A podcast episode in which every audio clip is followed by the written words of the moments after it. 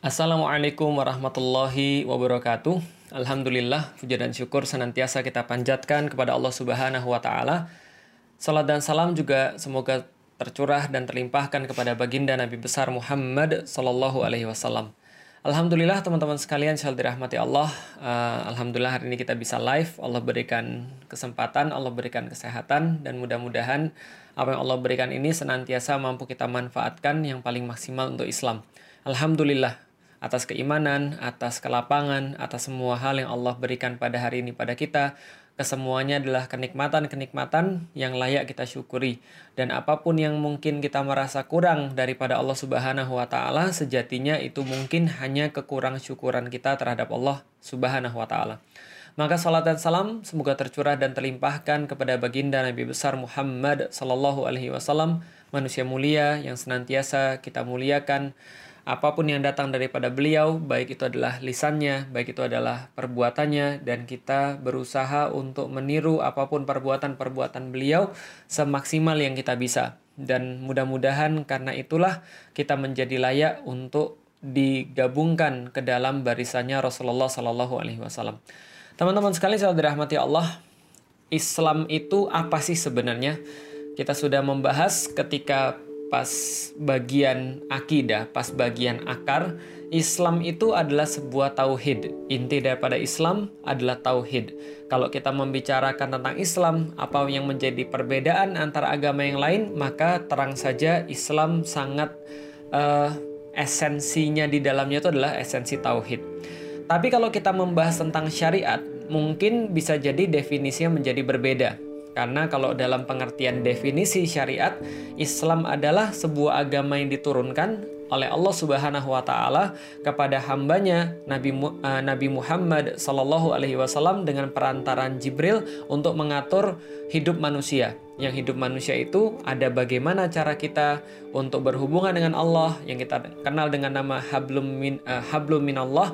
Lalu kemudian kita dia juga mengatur bagaimana hubungan dengan orang lain atau hablum minan nas dan dia juga mengatur bagaimana berhubungan dengan diri kita sendiri atau yang lebih sering disebut dengan akhlak yaitu adalah ajaran Islam. Jadi ajaran Islam sesederhananya itu definisinya seperti itu. Tapi sebenarnya kalau kita lihat daripada apa yang sudah kita bahas sebelumnya, Islam ini layaknya sebuah pohon Pohon itu secara singkat ada dua bagian.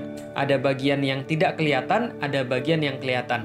Allah sampaikan di dalam surat Ibrahim uh, bahwasanya orang-orang yang mengucapkan dua kalimat syahadat atau kalimat yang toyibatang ka syajarating toyibah. Sesungguhnya kalimat yang baik itu seperti pohon yang baik. Seperti apa pohon yang baik? Asluha sabitun wa far'uha fis sama tu'ti ukulaha kulahinim bi'idni rabbiha maka pohon yang baik atau yang namanya Islam itu seperti ini, akarnya menghujam ke tanah, kokoh ke tanah, lalu kemudian cabang-cabangnya mengarah ke udara, mengambil sebaik-baiknya cahaya, lalu kemudian tu'ti ukulaha kulahinim biizni rabbiha. Dan dia memberikan buah-buahan yang ranum, yang segar, yang manis, yang bergizi setiap waktunya atas izin daripada Tuhannya. Ini adalah Islam. Maka yang tidak kelihatan itulah yang sudah kita bahas sampai ke episode 26. Dan yang kelihatan di atas inilah yang kita bahas dalam episode 27 dan seterusnya sampai sekarang episode yang ke-36. Jadi kalau kita lebih singkatkan lagi teman-teman sekalian, cuma mereview supaya teman-teman bisa lebih enak nyambungnya, Islam itu dimulai daripada pertanyaan why. Kenapa saya harus menjadi seorang muslim? Setelah kemudian pertanyaan why ini kita jawab dalam bab akidah, kita tahu alasan kenapa kita jadi seorang muslim, akar kita sudah kuat, maka kita masuk ke dalam pertanyaan what and how. Kita masuk dalam pertanyaan apa itu Islam dan bagaimana cara Islam bekerja. Kita sudah dapat, andaikan orang itu menggunakan akalnya, maka dia akan mendapatkan bahwa Allah adalah satu-satunya Tuhan yang bisa diyakini dengan logika. Bahwasanya Islam adalah agama yang benar kalau mereka mau menggunakan akal. Ini yang kita dapatkan ketika ketika kita sudah membahas yang lalu. Maka dalam kemudian bab yang sekarang yang kita bahas bahwasanya ketika kita sudah yakin bahwa Allah adalah Tuhan kita dan kita semua adalah hambanya Allah maka hubungan antara kita dan Allah adalah hubungan penyembahan hubungan ketaatan hubungan kepatuhan hubungan ketundukan kepada Allah. Maka bagaimana ketundukan itu? Ketundukan itu dengan syariat Dan kita sudah bahas juga kemarin, apa yang disebut dengan syariat Islam? Syariat Islam adalah aturan-aturan yang diturunkan oleh Allah Subhanahu wa taala untuk menjamin agar manusia itu bisa tetap baik, agar manusia itu bisa tetap dengan fitrahnya, agar manusia itu tidak rusak, agar manusia itu tidak khawatir, tidak sedih, tidak uh, tidak tersesat dan tidak sengsara. Sebagaimana sudah kita bahas sebelumnya. Jadi siapa yang perlu dengan syariat Allah? Kita bukan Allah yang yang perlu dengan syariatnya sendiri. Kita yang perlu dengan syariatnya Allah karena setiap penyelewengan terhadap syariat Allah itu pasti akan mengakibatkan kerusakan. Pastinya karena Allah sudah jamin di dalam Al-Qur'an. Maka bagaimana cara kita menaati Allah? Maka kita tahu bahwa ada dua sumber primer di dalam Islam yaitu adalah Al-Qur'an dan Al-Hadis. Al-Quran adalah kalamullah, adalah perkataan Allah Subhanahu wa Ta'ala yang sudah dibukukan di zaman kita. Ada 30 juz, 114 eh, 114 surat dan sekitar 6000 eh, nanti kalau saya saya salah silakan perbaiki 6800 sorry 6300 63 ayat atau 6836 ayat. Nanti coba nanti dicek. Yang jelas ada 6 ribuan ayat kalau saya nggak salah. Nah berarti ini adalah kemudian ayat-ayat yang sudah jelas di dalam Al-Quran. Dan inilah kemudian syariat Islam sumber yang pertama. Sedangkan sumber yang kedua tentu saja kalau ada kurikulumnya maka sumber yang kedua tentu saja pengajarnya, yaitu adalah Rasulullah Shallallahu Alaihi Wasallam. Dan Rasulullah ketika menyampaikan sesuatu, melisankan sesuatu sesuai dengan agama ini, maka itu namanya adalah hadis. Begitupun juga dengan perbuatan Rasul, itu juga adalah hadis. Begitupun juga juga diamnya Rasulullah itu juga adalah hadis. Dan ini sumber hukum primer di dalam Islam. Dua sumber hukum primer ini menghasilkan dua lagi yang lain yang menjadi dalil daripada hukum syariat yaitu adalah ijma atau kesepakatan para sahabat dan yang keempat adalah kias atau analogi. Dan kita sudah sedikit banyak membahas uh, di antaranya. Dan sekarang kita coba untuk menjawab satu pertanyaan yang dari kemarin teman-teman coba tanyakan. Sebenarnya kalau kita sudah sampai pada pembahasan Islam kayak gini, kalau gitu Islam tuh ada berapa sih sebenarnya? Islam tuh ada berapa aliran sih? Ada berapa aliran sih di dalam Islam? Dengar-dengar katanya Rasulullah Shallallahu Alaihi Wasallam menghadiskan bahwa Islam ada 73 golongan. Memang benar Islam ada ada 73 golongan? Ataukah yang selamat tuh katanya cuma sunnah wal jamaah? Lalu seperti apa? Nah ini yang coba akan kita bahas sedikit demi sedikit satu persatu dan mudah-mudahan apa yang kita bahas ini memberikan pengertian. Robbi zidni, Robbi zidni ilman, warzuqni fahman. Jadi gini ceritanya teman-teman sekalian. Al-Quran itu satu. Al-Hadis itu juga satu. Dan ketika di masa para uh, para sahabat, sahabat tinggal bersama Rasulullah, sahabat hidup bersama Rasulullah, maka mereka punya satu orang yang langsung ditanya ketika ada sesuatu. Ketika mereka bingung, ketika mereka nggak paham, ketika mereka baca Al-Quran, mereka kemudian ingat Al-Quran dan mereka ada yang nggak paham, mereka langsung mendatangi Rasulullah Shallallahu Alaihi Wasallam ya nggak? Pastinya, karena Rasulullah ada di sana dan siapa yang lebih ngerti Al-Quran dibandingkan dengan orang yang bawa yaitu Rasulullah Shallallahu Alaihi Wasallam.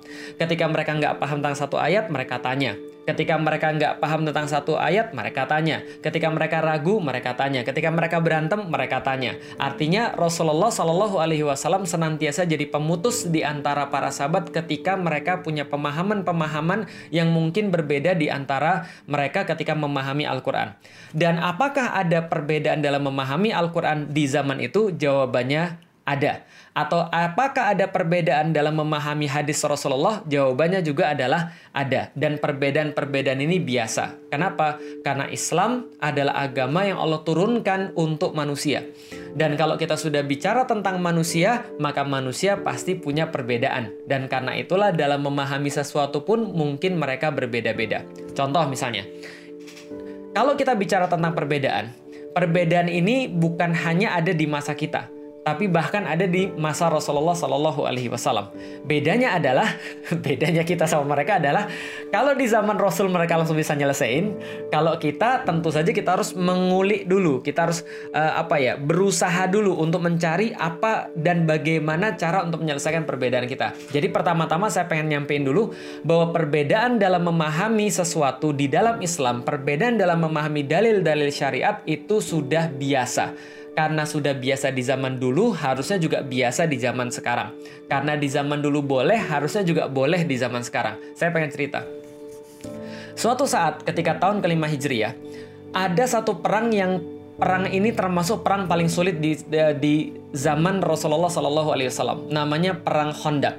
Ketika perang Hondak ini berlangsung kemudian berhari-hari, setelah perang ini selesai, para sahabat dan Rasulullah tentu capek dong, dan mereka balik lagi ke Madinah.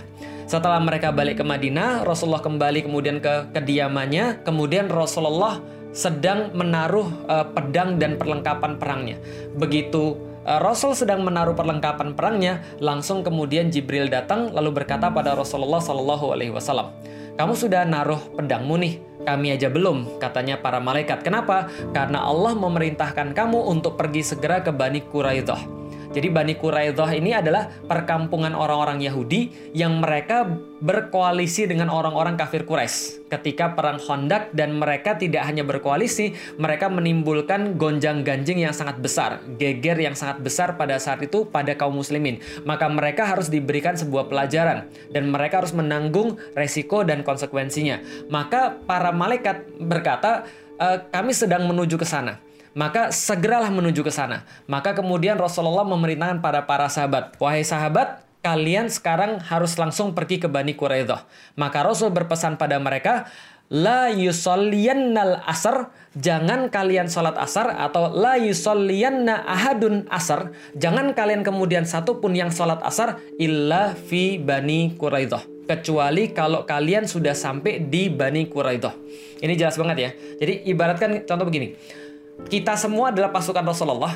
Lalu kemudian pas kita mau istirahat, Rasulullah kemudian keluar lagi dari kediamannya, lalu berkata pada kita semuanya, kalian semua harus pergi ke Bani Quraidah, dan jangan kalian sholat asar, kecuali di Bani Quraidah. Para sahabat kemudian mengatakan bahwa hadis ini munculnya seolah-olah kayak pas zuhur dan asar. Jadi ada sahabat yang sudah melakukan sholat zuhur, ada sahabat yang belum melakukan sholat zuhur. Dan semuanya itu disuruh pergi untuk ke Bani Quraidah. Dan mereka jalan. Setelah mereka jalan, sampai pada satu tempat, lalu kemudian waktu itu asar sudah lewat, zuhur sudah pasti sudah lewat, asar sudah lewat, dan menjelang maghrib. Ketika menjelang maghrib, antum bisa memahami ya, kondisinya adalah mereka belum sholat asar, ada yang bahkan belum sholat zuhur. Dan ini tidak bisa dijamak karena kalau sudah sampai maghrib selesai nggak bisa dijamak antara zuhur dan asar. Maka Rasulullah katakan jangan sholat asar kecuali kalau sampai Bani Quraidah. Maka ketika dalam kondisi begini para sahabat ada yang belum sholat zuhur, yang jelas semuanya belum sholat asar dan sebentar lagi sholat maghrib. Maka ada yang di antara mereka bilang, bro sama yang lain, bro sholat yuk lain-lain bilang, sholat apa bro? Ya sholat asar. Kan kita belum sholat asar ini. Lalu kemudian yang lain bilang, loh emang kamu nggak dengar tadi kata Rasulullah? Kata Rasulullah tadi yang jelas banget tadi, jangan kalian sholat asar. La yusolliyanal asar atau la yusalliyana ahadun asar. Jangan kalian melihat satu pun sholat al asar kecuali kalau kalian sampai ke Bani Quraidah. Kan sudah jelas banget. Lalu kemudian mereka bilang, iya sih, tapi kayaknya menurut saya, dalam pemahaman saya nih, Rasul ngomong kayak gitu supaya kita cepet-cepet. Supaya kita nggak nggak lalai, supaya kita nggak lambat-lambat segera langsung pergi ke Bani Quraidah. Tapi sekarang faktanya adalah sudah mau maghrib. Lah kalau sudah maghrib nanti sholat asalnya lewat pak. Tapi yang lain bilang enggak kalau Rasul sudah bilang jangan sholat asar, berarti jangan sholat asar, nanti kita pas bani, sorry, pas sampai bani Quraidah baru kita sholat asar. Gitu pokoknya. Akhirnya para sahabat tetap kemudian terpecah.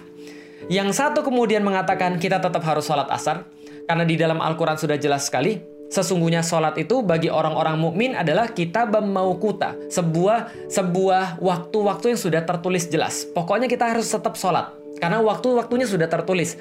Subuh sudah ada waktunya, zuhur sudah ada waktunya, asar ada waktunya, maghrib ada waktunya, isya ada waktunya. Maka nggak boleh dirapel, maka kita sholat sekarang. Tapi sebagian di antara mereka bilang tidak. Rasulullah Shallallahu Alaihi Wasallam paling tahu tentang Al-Quran, maka beliau tidak mungkin menyuruh sesuatu yang akan menyengsarakan dan membuat kita salah. Maka Rasulullah pasti benar, maka tidak sholat asar kecuali sudah sampai Bani Quraidah. Lalu kemudian sebagian berjalan, sebagian sholat, dan kemudian berjalan ke Bani Quraidah. Mereka kemudian mengapung Bani Quraidah, dan ceritanya setelah mereka sampai di sana, waktu sudah hampir tengah malam. Atau malah sudah lewat tengah malam. Akhirnya sebagian di sana sholatnya dirapel. Sholat asar, sholat maghrib, sholat isya. Lalu kemudian sebagainya karena sudah sholat mereka tinggal melanjutkan sholat sisanya. Nah, ketika kesemuanya ini balik ke tempat Rasulullah Shallallahu Alaihi Wasallam, maka kemudian mereka saling mengadu. Ya kira-kira kalau zaman sekarang gini lah, ada yang ngadu pada gurunya. Guru, coba lihat guru, masa ya ada orang ya, masa sholatnya tuh dirapel. Coba bayangin, sholat asar, sholat maghrib, sholat isya dirapel. Itu muslim macam apa itu? Lalu kemudian yang dengar dan kebetulan mungkin mereka yang termasuk rapel, mungkin ngomongnya begini, mungkin ya. Ini karangan saya aja, mungkin ngomongnya begini. Daripada mereka itu guru, masa ada yang diperintah langsung, perintahnya jelas, jangan sholat asar kecuali di Bani itu, tapi masih mereka sholat asar, tapi bukan di Bani itu. Itu kan namanya menentang perintah langsung. Nah, ketika kemudian para sahabat saling berdiskusi di depan Rasulullah untuk kemudian menentukan siapa sih yang sebenarnya benar di antara mereka, siapa yang paling mendekati kebenaran di antara mereka, Rasulullah Shallallahu Alaihi Wasallam tersenyum. Kemudian Rasul mengatakan pada mereka, nggak ada masalah, kalian semua benar. Kenapa? Karena sama-sama sholat. Ini kemudian yang Rasulullah sampaikan, berarti ada perbedaan dan dua perbedaan ini nggak mesti salah satu benar dan salah satu salah. Kenapa? Karena dua-duanya bisa jadi benar atau dua-duanya bisa jadi salah. Kenapa dua-duanya bisa jadi benar? Karena mereka berdua tidak sama dalam memahami syariat tapi tetap menjalankan syariat berdasarkan pandangan Islam. Apa itu pandangan Islam? Pandangan Islam adalah sesuatu yang didasari oleh argumen Islam atau dalil Islam. Jadi kalau punya dalil nggak ada masalah tergantung kemudian dia bisa me, apa namanya menggali nggak hukumnya. Nah di zaman para sahabat mereka levelnya tentu dong sudah lebih daripada kita semuanya. Mereka sudah paham tentang Rasulullah, mereka paham dengan Al-Quran. Wong Al-Quran itu diturunkan ketika mereka masih hidup, mereka menghafalkan Al-Quran dan mereka memutuskan tentu saja berdasarkan pengetahuan Islam yang mereka miliki. Maka dua-duanya benar. Di dalam zaman sekarang namanya ijtihad ijtihad itu kata Rasulullah kalau ijtihadnya dilakukan oleh orang yang mumpuni, dilakukan oleh ulama, dilakukan oleh orang yang memang sudah punya ilmu, itu kalau salah pahalanya satu. Kalau benar pahalanya dua. Kalau saya jangan dengerin karena saya belum sampai derajat ijtihad atau mujtahid. Maka yang sudah sampai itu tadi kalau misalnya dia memutuskan dapat benar pahalanya dua. Kalau dia memutuskan dapat salah pahalanya tetap satu. Akhirnya nggak ada yang salah. Kenapa? Karena memang Islam adalah ajaran yang memungkinkan adanya adanya hal yang berbeda. Jadi dua hal ini bisa jadi sama-sama benar. Nah, kenapa? Karena memang pemahaman terhadap Quran, pemahaman terhadap hadis itu tidak selalu sama satu dengan yang lain. Nah, dari situlah kita bisa tahu, oh, perbedaannya di situ. Tapi bukan Islamnya yang berbeda, Islamnya sama. Kalau kita ibaratkan pohon gitu kan ya, pohonnya satu. Cuma pohon itu nanti setelah dari tanah ada satu pokok yang besar, lalu kemudian dia muncul cabang-cabang. Makanya kata Allah, wafar uhafis sama. Maka cabang-cabangnya itu ada banyak tapi sama-sama mengarah ke udara. Kenapa? Sama-sama mengharap ridho Allah. Udara itu maksudnya langit dan langit itu maksudnya ridho Allah. Dan mereka sama-sama menerapkan syariat, sama-sama berdasarkan dalil. Dalilnya apa? Akar yang sama. Maksudnya gitu, yaitu Quran dan Sunnah yang sama. Cuma dalam memahami aturan-aturan fikihnya menjadi berbeda. Itu yang menjadi kemudian perbedaan di dalam Islam, bukan aliran-aliran. Karena Islam nggak ada aliran. Karena Islam tuh ya satu pohon, cuma cabangnya banyak dan cabang itu berasal daripada akar yang sama. Tapi Ustadz ada juga katanya perbedaan di dalam akidah. Perbedaan di dalam akidah nggak boleh. Di dalam akidah Islam semuanya sama, rukun Islamnya sama, sama-sama enam, rukun Islamnya sama, sama-sama lima. Tapi ada yang berbeda kata Ustadz, bisa jadi dalam hal cabang akidah. Nah, jadi coba lihat ya, kalau pohon itu kan pokoknya satu pokoknya kan satu yang di atas tanah tuh, pokok batang besarnya itu ya. Di bawahnya itu juga akarnya juga satu. Tapi kemudian juga bercabang-cabang. Tapi akarnya sama. Tapi bukan berarti pohon yang berbeda gitu loh maksudnya. Nah, dalam Islam juga ada namanya cabang akidah. Dan bisa jadi cabang akidah ini berbeda. Tapi tidak mengganggu kemudian rukun iman dan rukun Islamnya. Ustadz, tapi ada juga Ustadz yang rukun imannya berbeda. Nah, kalau udah rukun imannya berbeda berarti bukan. Karena rukun rukun iman tuh ya nggak nggak ada berbeda. Karena itu sudah dari sesuatu yang sangat jelas sekali. Ustadz kalau seandainya di dalam Islam Tuhan Tuhannya ada dua boleh nggak? Ya nggak boleh. Karena itu sudah bagian daripada akidah. Tapi kalau perbedaan-perbedaan cabang yang diakibatkan daripada argumen-argumen yang sama di dalam Islam, tapi hasilnya berbeda, jadinya boleh. Contoh di Indonesia yang sangat terkenal, taraweh ada yang 11 rokaat total ada yang 23 rokaat total. Yang benar yang mana? Dia dua-duanya benar. Yang salah siapa? Yang salah yang nggak sholat. Bukan juga yang yang nggak sholat terawih juga nggak salah. Lah kenapa? Karena Islam bukan hanya satu hukum di dalam hukum Islam. Oke, coba lihat ya. Kita sekarang masuk pada hukum dari manusia. Kal sorry, hukum untuk manusia bukan hukum dari manusia. Hukum untuk manusia itu cuma ada lima kalau berdasarkan hukum syariat. Yang pertama adalah sesuatu yang bersifat wajib. Yang kedua adalah sesuatu yang bersifat sunnah atau mandub. Yang ketiga adalah sesuatu yang bersifat mubah. Yang keempat adalah sesuatu yang bersifat makruh. Yang kelima adalah sesuatu yang bersifat haram. Cuma lima ini aja. Jadi berkitarnya di antara lima. Ini yang dasarnya. Yang wajib kalau dikerjakan berarti berpahala. Nggak dikerjakan berarti berdosa. Seperti apa? Sholat wajib, puasa wajib itu wajib. Kalau wajib itu berarti mengikat. Kalau kita nggak lakukan dosa. Kalau kita lakukan pahala. Yang kedua mandub atau sunnah. Maksudnya apa? Sesuatu yang kalau kita lakukan berpahala. Kalau kita nggak lakukan nggak mengapa. Tapi sayang banget kalau nggak dilakukan. Contoh daripada sunnah ya sholat uh, sholat apa namanya sholat rawatib gitu kan ya. Ketika kita habis sholat zuhur lalu sholat dua rakaat. Lalu habis sholat maghrib sholat dua rakaat dan seterusnya. Ini adalah sholat sholat sunnah. Maka sholat sunnah ini kalau dibuat dapat pahala. Kalau nggak dibuat ya nggak apa-apa. Cuma sayang aja. Kalau yang mubah boleh dilakukan boleh tidak. Contoh nonton drakor Wah seneng tuh yang drakor. Nonton drakor tuh mubah. Atau nonton bola itu ya mubah. Apalagi misalnya Makan uh, ikan bakar itu mubah. Uh, Apalagi makan cendol itu mubah. Dan banyak sekali hal-hal yang mubah di dalam Islam Boleh dilakukan. Wanita bekerja Itu saya mengambil pendapat hukumnya mubah. Ini kan ya. Lalu apalagi yang ketiga yang makruh. Apa ini yang makruh? Kalau dilakukan Dia Dia tidak apa-apa. Tapi kalau ditinggalkan Ah ini dia mendapatkan pahala Ya, jadi bedanya dengan sunnah apa? Kalau sunnah dilakukan, mendapatkan pahala, tidak dilakukan, nggak apa-apa, tapi sayang. Kalau yang makruh, tidak dilakukan, malah dapat pahala. Tapi kalau Anda lakukan, maka nggak apa-apa ya. Tapi masa Anda lakukan sesuatu yang dibenci Allah. Karena makruh ini kan artinya sesuatu yang dibenci Allah. Contoh makruh apa? Ya dalam satu pendapat, nanti saya jelasin. Nama juga ada, ada perbedaan. Dalam satu pendapat merokok itu makruh tapi saya mengambil pendapat merokok yang haram. Kenapa? Karena sudah pasti berbahaya bagi orang yang melakukan dan juga bagi orang-orang di sekelilingnya.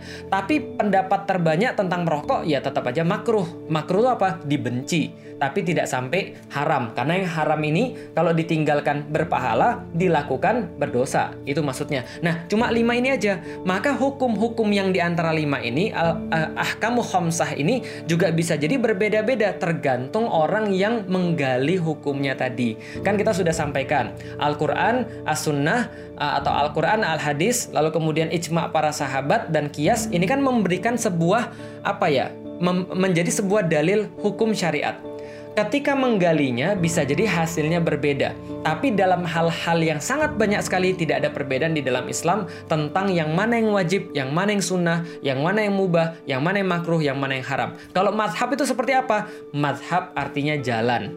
Berarti dalam memahami fikih karena kita nggak semua bisa memahami Al-Quran dan sunnah, maka kita perlu imam-imam madhab yang menggalikan buat kita, yang kemudian menyajikan buat kita, kita tinggal makan aja. Jadi kira-kira gitu. Nah, termasuk Termasuk ada yang nanya dari kemarin, musik hukumnya apa? Tergantung Anda mau ambil pendapat yang mana.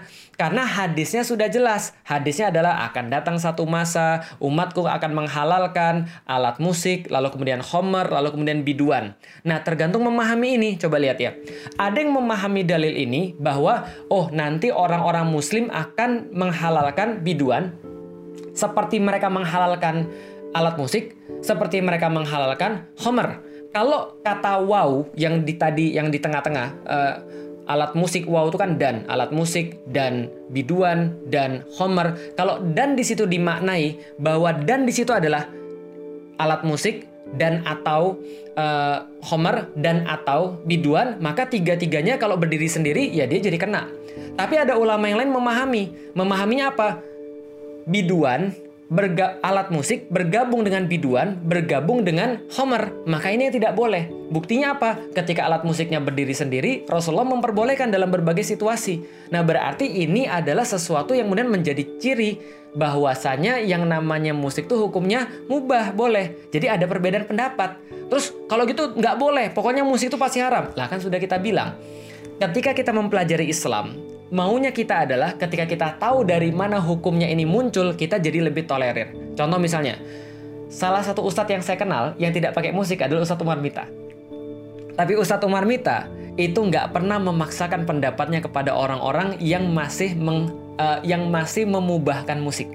Beliau nggak mau dengar musik, tapi beliau tidak uh, tidak punya pendapat sorry bukan tidak memperlakukan saudaranya yang masih kemudian mengubahkan musik dengan sesuatu yang yang apa namanya ya yang buruk gitu loh maksudnya hadisnya jelas hadisnya sama-sama kita baca, cuman pemahaman terhadap hadis ini perlu kemudian dibahas. Makanya ulama-ulama berbeda pendapat. Contoh ulama-ulama yang memubahkan musik misalnya, ulama-ulama Azhar itu memubahkan musik. Ulama-ulama dari kemudian uh, Nahdlatul Ulama uh, baik Muhammadiyah itu juga memubahkan musik. Ulama-ulama mengharamkan musik, biasanya ulama-ulama yang beraliran uh, Hanabilah, Ahmad bin Hambal mengikuti madhabnya Ahmad bin Hambal ataupun Ibnu Taimiyah dan segala macamnya. Nah, tapi yang jelas kita sama-sama menghormati karena dua-duanya adalah pendapat Islam atau argumen di dalam Islam, tidak perlu dipermasalahkan. Sebagaimana tadi para sahabat, ada yang sholatnya uh, sebelum sampai di Bani Quraidah ada yang sholatnya setelah Bani Quraidah dan itu biasa-biasa saja. Dan perbedaan pendapat umum terjadi di antara para sahabat. Yang nggak boleh terjadi adalah murid-murid kalau berbeda. Itu yang nggak boleh. Kenapa? Karena murid itu nggak punya ilmu mereka harusnya ngikut aja pada yang punya ilmu. Tapi kalau guru berbeda, itu boleh-boleh saja karena mereka punya ilmu. Maka coba lihat, kalau guru yang berbeda, kalau orang berilmu yang berbeda, nggak jadi masalah.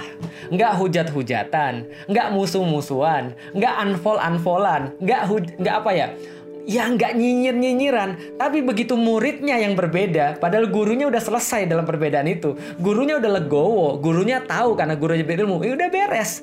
Tapi kalau muridnya yang berbeda, masya Allah, karena nggak punya ilmu itu nyinyir-nyinyiran, unfold-unfoldan, bahkan kafir-kafiran, eh, dia kafir, enggak dia yang kafir dan seterusnya. Lalu kemudian main kemudian hina-hinaan, main kemudian serang-serangan. Nah ini yang berbahaya. Kenapa? Adanya perbedaan di dalam Islam itu bukan terjadi pada masa sekarang aja, tapi dari masa Rasulullah Shallallahu Alaihi Wasallam.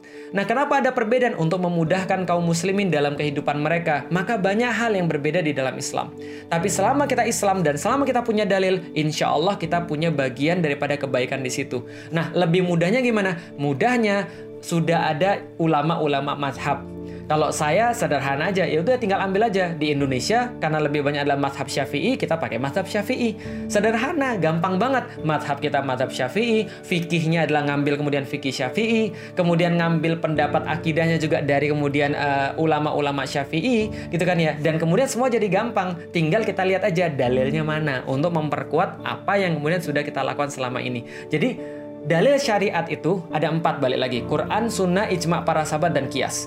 Selama dia punya argumen, maka dia boleh berbeda dan bisa jadi dua-duanya adalah sesuatu yang baik. Dan banyak sekali contoh-contoh perbedaan di dalam Islam, baik yang terjadi di zaman Rasulullah Shallallahu Alaihi Wasallam ataupun di zaman sekarang yang memang diperbolehkan karena memang dalilnya memperbolehkan untuk berbeda. Tapi ada yang nggak boleh untuk berbeda. Apa? Akarnya nggak boleh berbeda. Islam tuh satu. Bagaimana dengan yang 73 golongan? Insya Allah nanti kita akan bahas dalam eh, bahasan-bahasan yang lain. Tapi yang jelas, ahlu sunnah wal jamaah jamaah itu bukan klaim, itu bukan sebuah label, tapi itu sebuah sifat. Siapa pun yang mengikuti sunnah Rasulullah Shallallahu Alaihi Wasallam dan juga kemudian mengikuti al jamaah dalam arti yang sangat luas, maka insya Allah mereka semua termasuk yang selamat di akhirat, termasuk ahlu sunnah wal jamaah. Dan saya pikir insya Allah di Indonesia semua ormas-ormas nggak ada yang berbeda dalam hal akidah. Ya kecuali kalau misalnya ada ya, yang berbeda misalnya siapa? Ya ada beberapa kemudian uh, ada beberapa aliran-aliran kayak misalnya contoh Syiah yang sudah menambah-nambah kemudian dalam hal keimanan itu yang berbeda gitu kan ya. Tapi kalau selama mereka masih sama rukun iman, sama rukun Islam, kebanyakan ormas di Indonesia semuanya sama. Semua pergerakan di Indonesia semua sama, hampir semuanya itu adalah ahlus sunnah wal jamaah. Dan insya Allah tidak ada alasan kita untuk berpecah ketika Allah sudah mempersatukan kita. Insya Allah kita akan berjumpa dalam kemudian yang lain lagi. Mudah-mudahan bermanfaat. Nanti kita akan eh, bahas yang lebih banyak lagi. Assalamualaikum warahmatullahi wabarakatuh.